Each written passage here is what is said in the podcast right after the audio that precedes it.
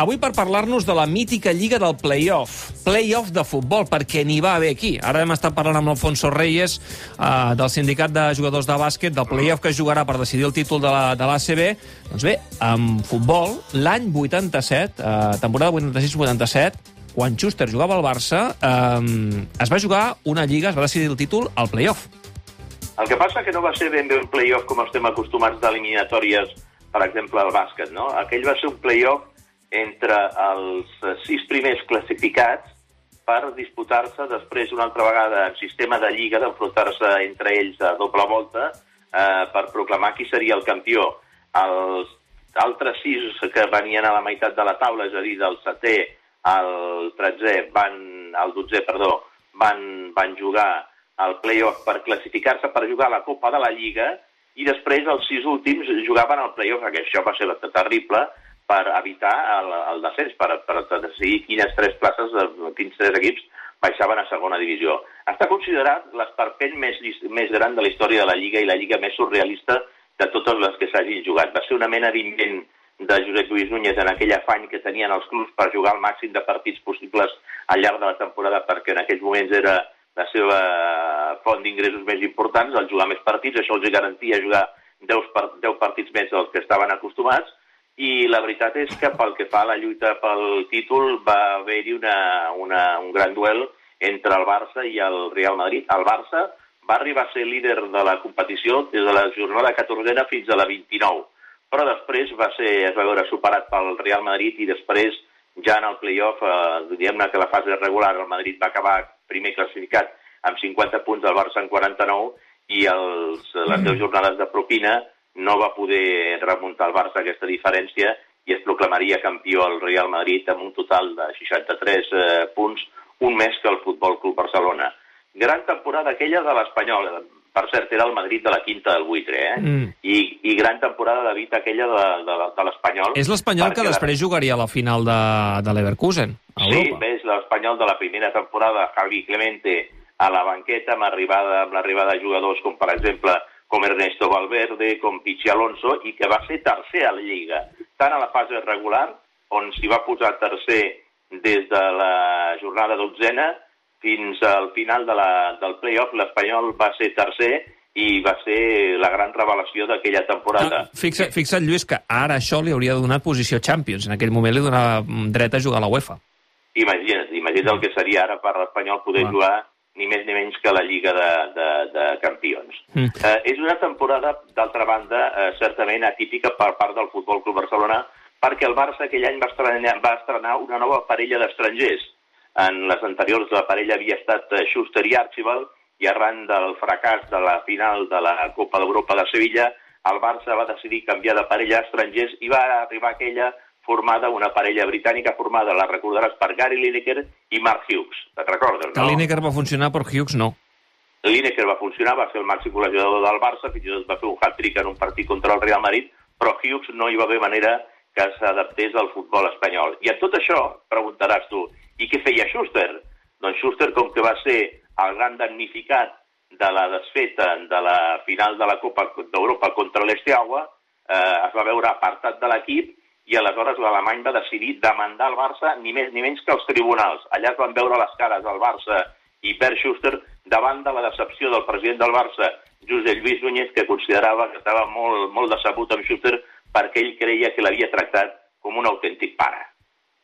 Vostè havia dit fins i tot que l'havia tractat millor que amb un fill propi. No, no oblidem que el Xuster està ben cuidat que la seva cuina de casa seva temíem que un jugador difícil com ha sigut el Junts, i no ho dic amb el Barcelona, no oblidem que ja el Colònia va ser apartat de l'equip i no i solament tenim que recordar, per exemple, que un jugador de la qualitat del Xuster es va negar de representar el seu pis amb, amb, amb el seu país amb l'últim Mundial de Mèxic, vol dir que ell no té cap apetència per jugar al futbol. Va amenaçar, o va amenaçar la directiva del Barcelona que si no li prometíem la carta de llibertat, pues el senyor Schuster jugaria mal a Barcelona.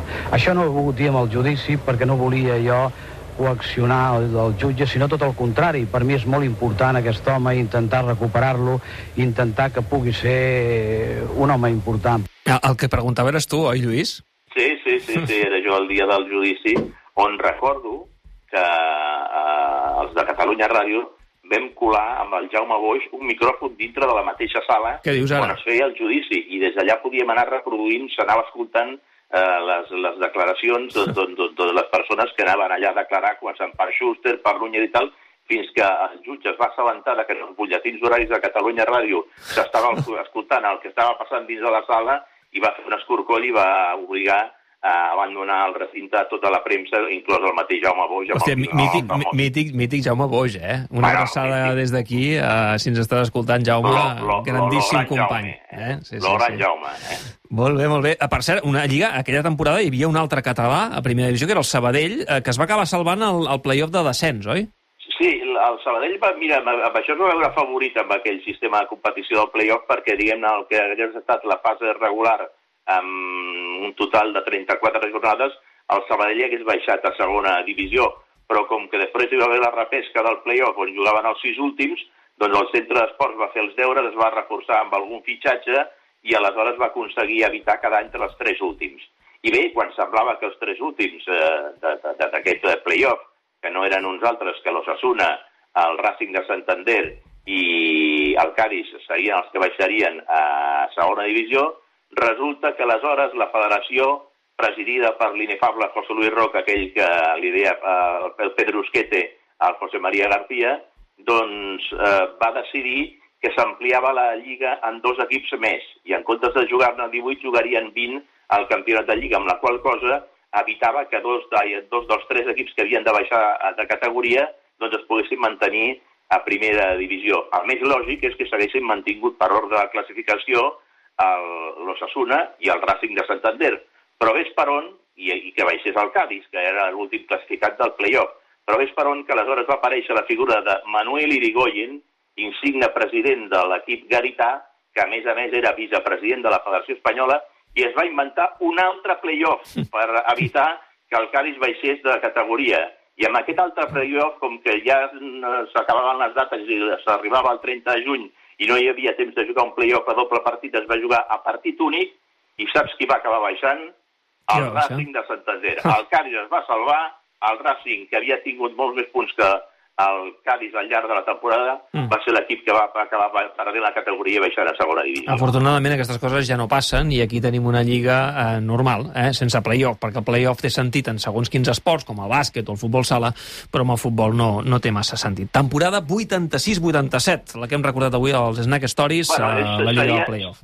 Seria, David, el més semblant a una miqueta el que passarà ara amb aquest final del campionat de Lliga Mm. a partir del, corona, del coronavirus, no? que ens hem trobat ara aquí amb un afegit de la Lliga amb 11 jornades on Sí. s'haurà de decidir el títol Mm. de campió, però també qui baixa a segona divisió i tant de bo que no sigui aquest el cas de l'Espanyol. Lluís, la setmana que ve ens citem a, a la terrassa del bar del Paco, a l'Snac Barça, d'acord? Doncs vinga, allà hi serem. Vinga, adeu-siau. Que vagi molt bé, adéu-siau. Bundesgira, amb Marc Maiola.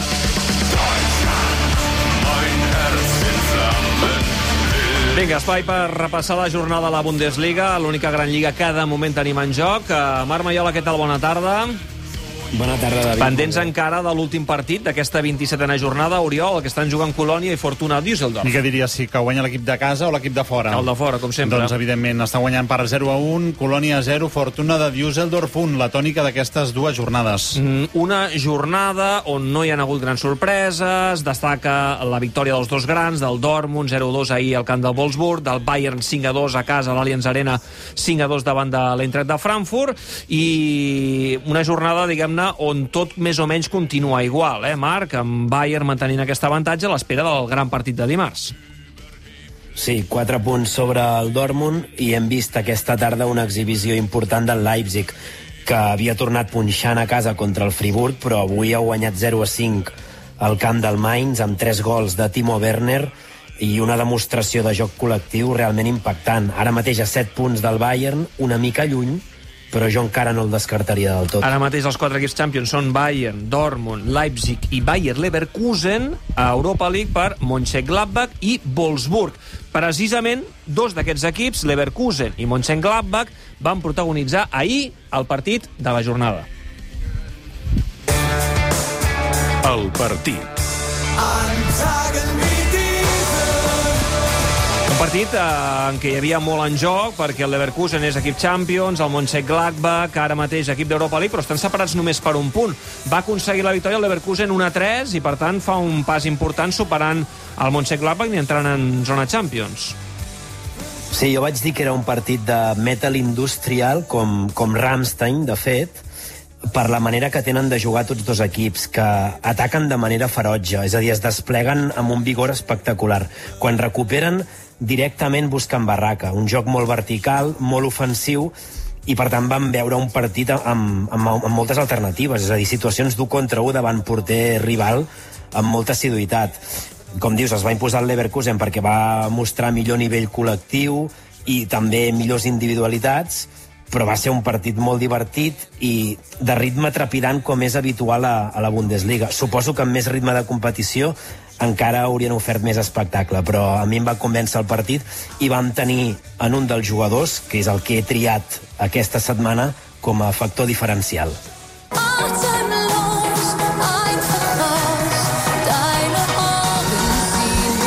El protagonista.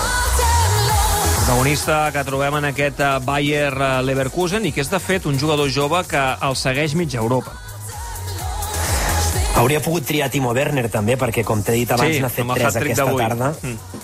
Sí, i segurament ha brillat especialment en aquesta jornada i és un altre dels joves que el segueixen molts equips. Però el que va fer ahir Kai Havertz, el que va fer també en la jornada de retorn de la Bundesliga i el que porta fent, de fet, durant tot aquest 2020 és per, per fer-hi una part. És a dir, un jugador que ara està actuant de fals nou, quan ell en realitat abans jugava més aviat de 10, d'interior o d'extrem dret, a cama canviada per anar molt cap a dins, i que va marcar dos gols ahir en la victòria a Mönchengladbach, que en va fer dos també eh, la setmana passada al camp del Bremen, i que s'està convertint en un jugador molt complet, en el sentit que tant és capaç de, de venir a tocar entre línies amb una gran clarividència tècnica i també intel·ligència tàctica, com buscar desmarcades a l'espai, perquè és un jugador també molt àgil i molt ràpid, metre 90 gairebé, però és rapidíssim, té gambada i només té 20 anys. Clar, és un jugador que veurem què passa aquest estiu. Tu el veus en un gran d'Europa? Sí, sí, clarament. És que només té 20 anys i té, una facilitat per jugar tant a nivell tècnic com aquesta intel·ligència posicional a nivell tàctic i, i aquesta capacitat d'arribada. És un jugador que, que tranquil·lament... Clar, ha de fitxar per un equip eh, que el model de joc eh, s'adequi a les seves condicions, però és que és molt complet. Me l'imagino qualsevol equip, tot i que serà difícil treure'l del Leverkusen, sobretot si el Leverkusen certifica plaça Champions. Ja veurem què passa. El Bayern hi ha parlat des de fa molt de temps amb ell perquè comparteix representant amb Nabri però el Bayern fitxarà Sané segurament i no sé si hi haurà prou calés per fitxar Havertz. La idea del Bayern seria fitxar-lo l'any que ve. Si algun equip s'avança al Bayern i fa una bona oferta, doncs potser se'l pot emportar aquest estiu. La història.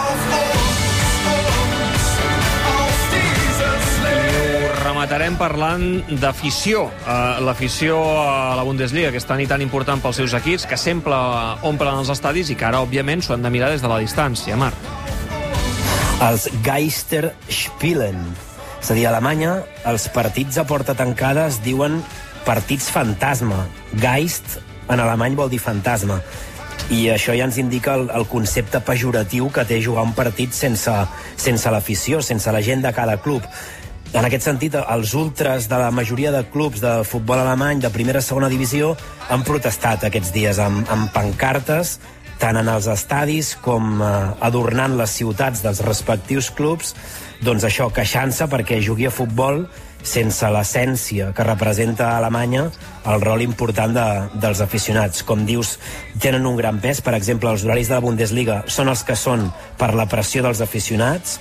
Uh, el 10% d'aforament sempre en els partits uh, fora de casa també és una reclamació històrica dels aficionats que es manté i ara han protestat per aquests horaris, però clar, necessita els equips jugar per no perdre més diners, perquè si no també l'estabilitat present i futur dels clubs es veuria molt perjudicada i en aquest equilibri doncs està ara mateix la, la Bundesliga. Fixa quina cosa més curiosa, eh, no ho hauríem dit mai. Dimarts que ve, dos quarts de set de la tarda, eh, Borussia Dortmund, Bayern de Munic, el clàssic en el partit més important del futbol alemany, on a més a més hi ha en joc el títol, el Bayern amb 4 punts més pot sentenciar, o el Dortmund pot posar-hi emoció en el que queda de Lliga, i tindrem un ambient tan diferent del que hem vist sempre en aquests partits, especialment el Signal Iduna Clar. Park, que sempre està allò eh, ple com un ou i bullint amb un ambient brutal, doncs això serà ben diferent a, aquest dimarts. Partit interessant, aquesta jornada intrasemanal, on també tindrem un Leverkusen-Wolfsburg, entre Friburg i Werder Bremen, Borussia Mönchengladbach, això el dimarts, i dimecres els partits seran Leipzig-Hertha,